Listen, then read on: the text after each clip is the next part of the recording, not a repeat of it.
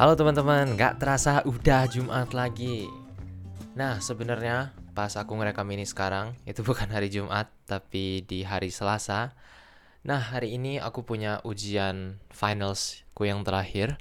Jadi habis ini harusnya sih udah libur sampai April. Jadi ada sekitar mungkin 8 sampai 9 minggu libur gitu yang memang sangat-sangat banyak. Tapi aku rasa kalau untuk mahasiswa ini sesuatu yang normal ya.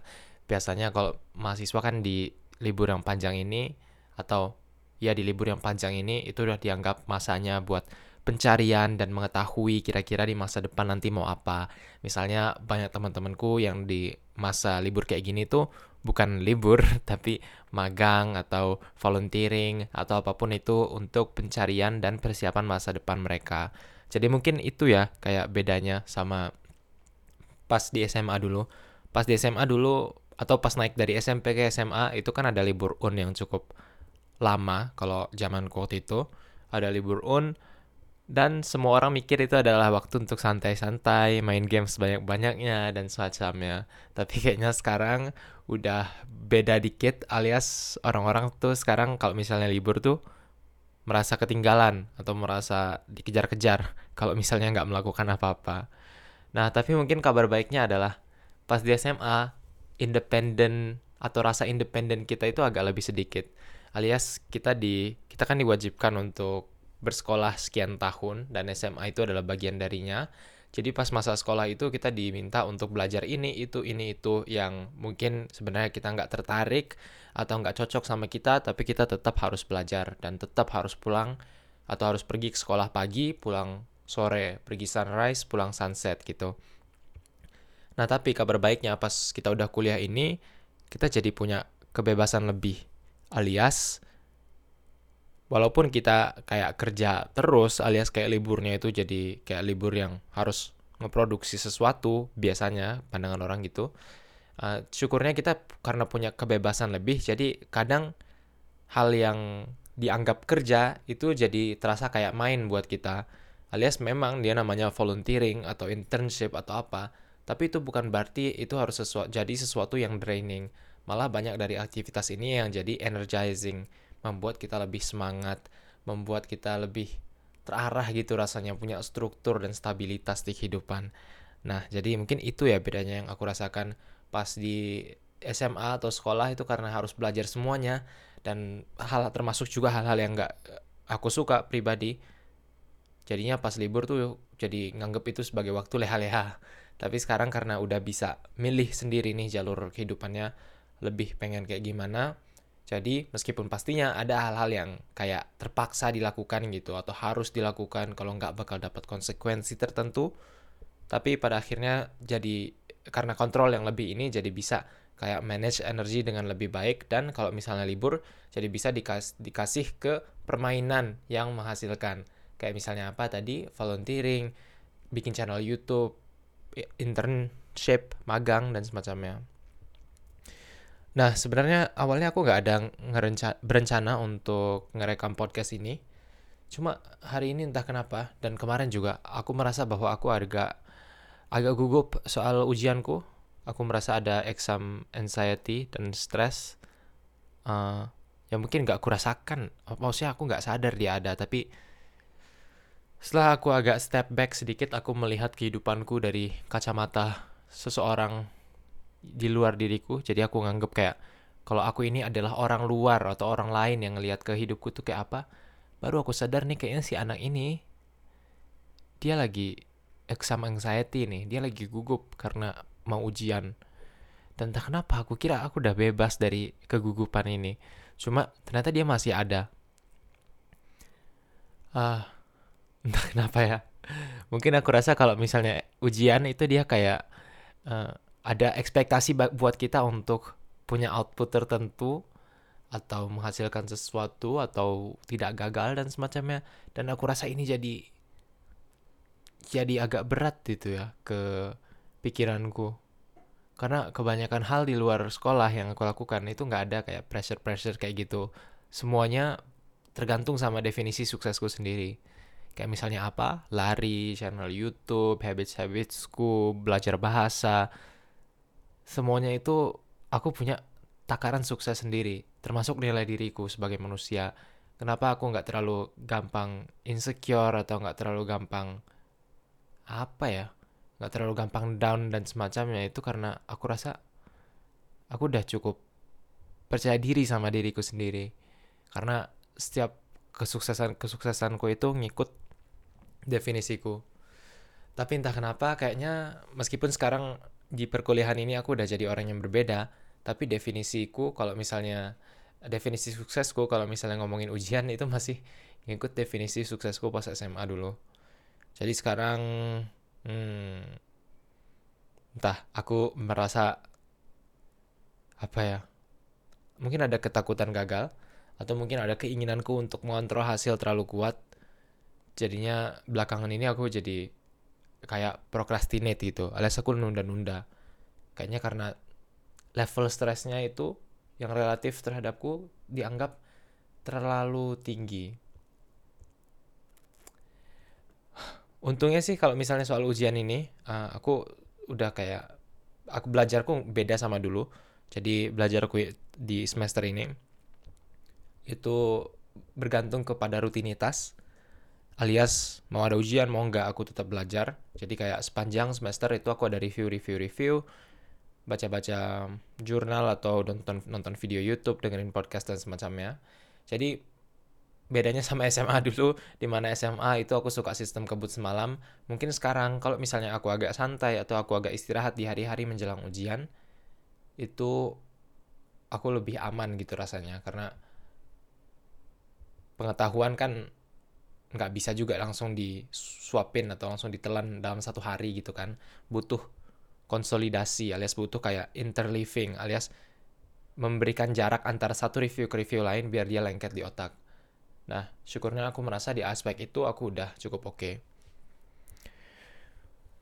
jadi di minggu menjelang minggu terakhir menjelang ujianku ini aku rasa reviewku agak berkurang. Walau aku tetap melakukan review ya tapi nggak kayak review yang intensif gitu. Dan tak kenapa aku merasa bersalah di sini. Kenapa ya? Aku merasa kayak ada yang kurang atau aku harus kerja lebih keras lagi atau aku kerja kurang keras. Aku mikir kayak orang-orang mahasiswa-mahasiswi Korea atau Jepang itu kalau misalnya musim ujian kita pergi ke Starbucks, kita pergi ke mana-mana, itu orang pada belajar semua di situ. Dan aku tahu kan sejak maksudnya kayak aku aku sadar bahwa setiap orang itu punya cara belajar yang beda-beda. Tapi kenapa aku tetap merasa bahwa harusnya aku nih kerjanya keras nih aku kurang kerja keras atau aku kok nggak kayak terlihat stres gitu ya les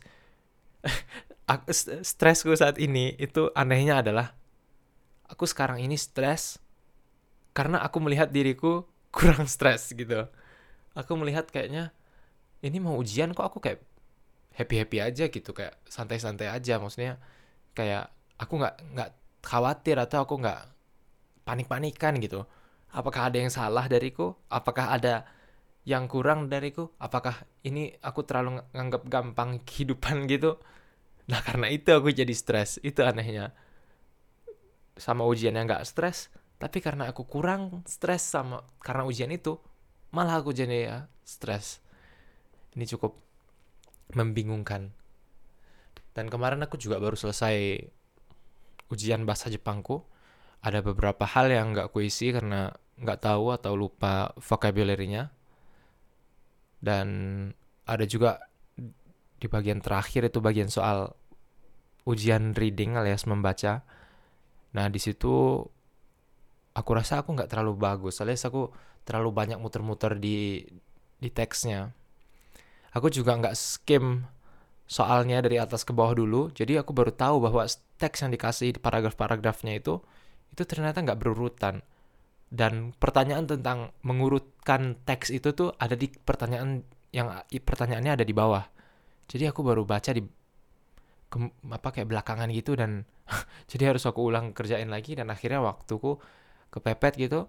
Akhirnya ada beberapa nomor yang aku kayak nggak begitu yakin tapi tebak-tebak aja yang penting isi Nah karena itu aku merasa kayak, aduh ini apakah aku emang kurang persiapan?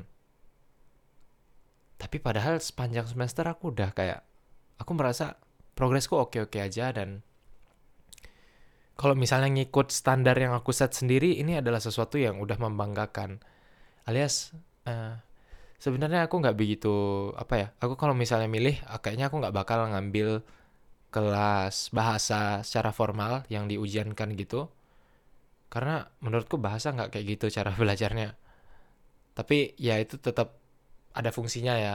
Misalnya kalau kita mau kualifikasi tertentu atau kita mau dapat sertifikasi apa gitu pastinya kelas formal itu ngebantu karena biasanya tes-tes itu kan distandarisasi. Atau kita mau mau masuk pekerjaan atau kantor tertentu itu kan tes-tes sama gitu maksudnya kayak soal-soal yang ditanyanya terus kayak bentuk-bentuk soalnya tipe soalnya itu kan kayak seragam gitu di standarisasi nah kalau kita mau belajar buat itu baru menurutku kelas formal cukup masuk akal tapi kalau kayak aku ini, yang orangnya belajar bahasa karena hobi, itu agak, aku merasa kayak, gimana ya? Ada rasa bahwa belajar kelas formal sama cara belajarku di luar itu tuh ada yang kayak bertentangan gitu. Kayak caranya atau kayak konsep fundamentalnya itu bertentangan. Soalnya kalau misalnya aku ngelihat komunitas-komunitas polyglot atau multilingual, itu semuanya kurang lebih berpendapat bahwa belajar itu nggak nggak bisa berurutan gitu loh kayak tiap orang tuh punya urut urutan belajar bahasa yang beda alias nggak bisa kita kayak bab satu bab dua bab tiga bab empat gitu karena cara belajar orang atau cara orang ke otak orang pikiran manusia tiap manusia pikiran tiap individu itu mengurutkan bahasa-bahasa itu kosa kata grammar dan semacamnya itu berbeda. Dan di kelas kita di kita menggunakan kayak urutan yang sama. Dan juga kalau misalnya di kelas itu kita kan diminta untuk perfect alias kita harus tahu semua jawaban dan nantinya kalau kita nggak tahu atau ada salah itu nilai kita berkurang dari yang 100 jadi 95 atau dari yang 95 jadi 80 bisa kayak gitu tapi kalau di dunia nyata atau yang biasanya dipraktekkan oleh para polyglot dan orang-orang yang multilingual adalah bahwa kita nggak perlu sempurna dalam menggunakan suatu bahasa. Kita bukan native speaker dan kita nggak bakal sempurna. Kita bakal salah-salah, tapi itu nggak apa-apa. Karena pada akhirnya orang yang nggak native speaker, orang yang native speaker, yang kita ngomong sama mereka pun, mereka bisa menginterpretasi itu. Pas aku di Jerman kemarin juga gitu. Jermanku lumayan, aku rasa udah bisa di tahap yang bercakap-cakap lebih luas gitu tapi pastinya nggak sempurna aku salah-salah pakai der di dasnya aku salah-salah pakai kasus-kasus datif akusatifnya tapi native speaker masih bisa memahami dan belajar bahasa aku tuh lebih ke hal-hal kayak gini untuk berkomunikasi dengan orang tapi kalau di kelas kan dia cenderung untuk mempersiapkan kita ke suatu tahap atau suatu sertifikasi untuk nanti kerja atau dapat nilai bahasa tertentu yang nanti bisa dipakai buat apa pun di masa depan kita. Yang sebenarnya nggak salah, tapi mungkin ini tuh kayak dua cara atau dua pendekatan kepada belajar bahasa yang beda. Nah, mungkin karena itu.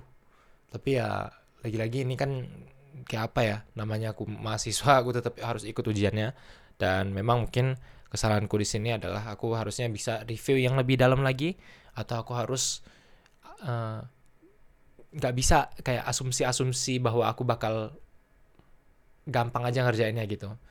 Soalnya kadang aku suka kayak misalnya ini ada bagian yang aku merasa agak lemah, tapi aku mikir, oh ini bagian ini kayaknya nanti bisa ditebak-tebak.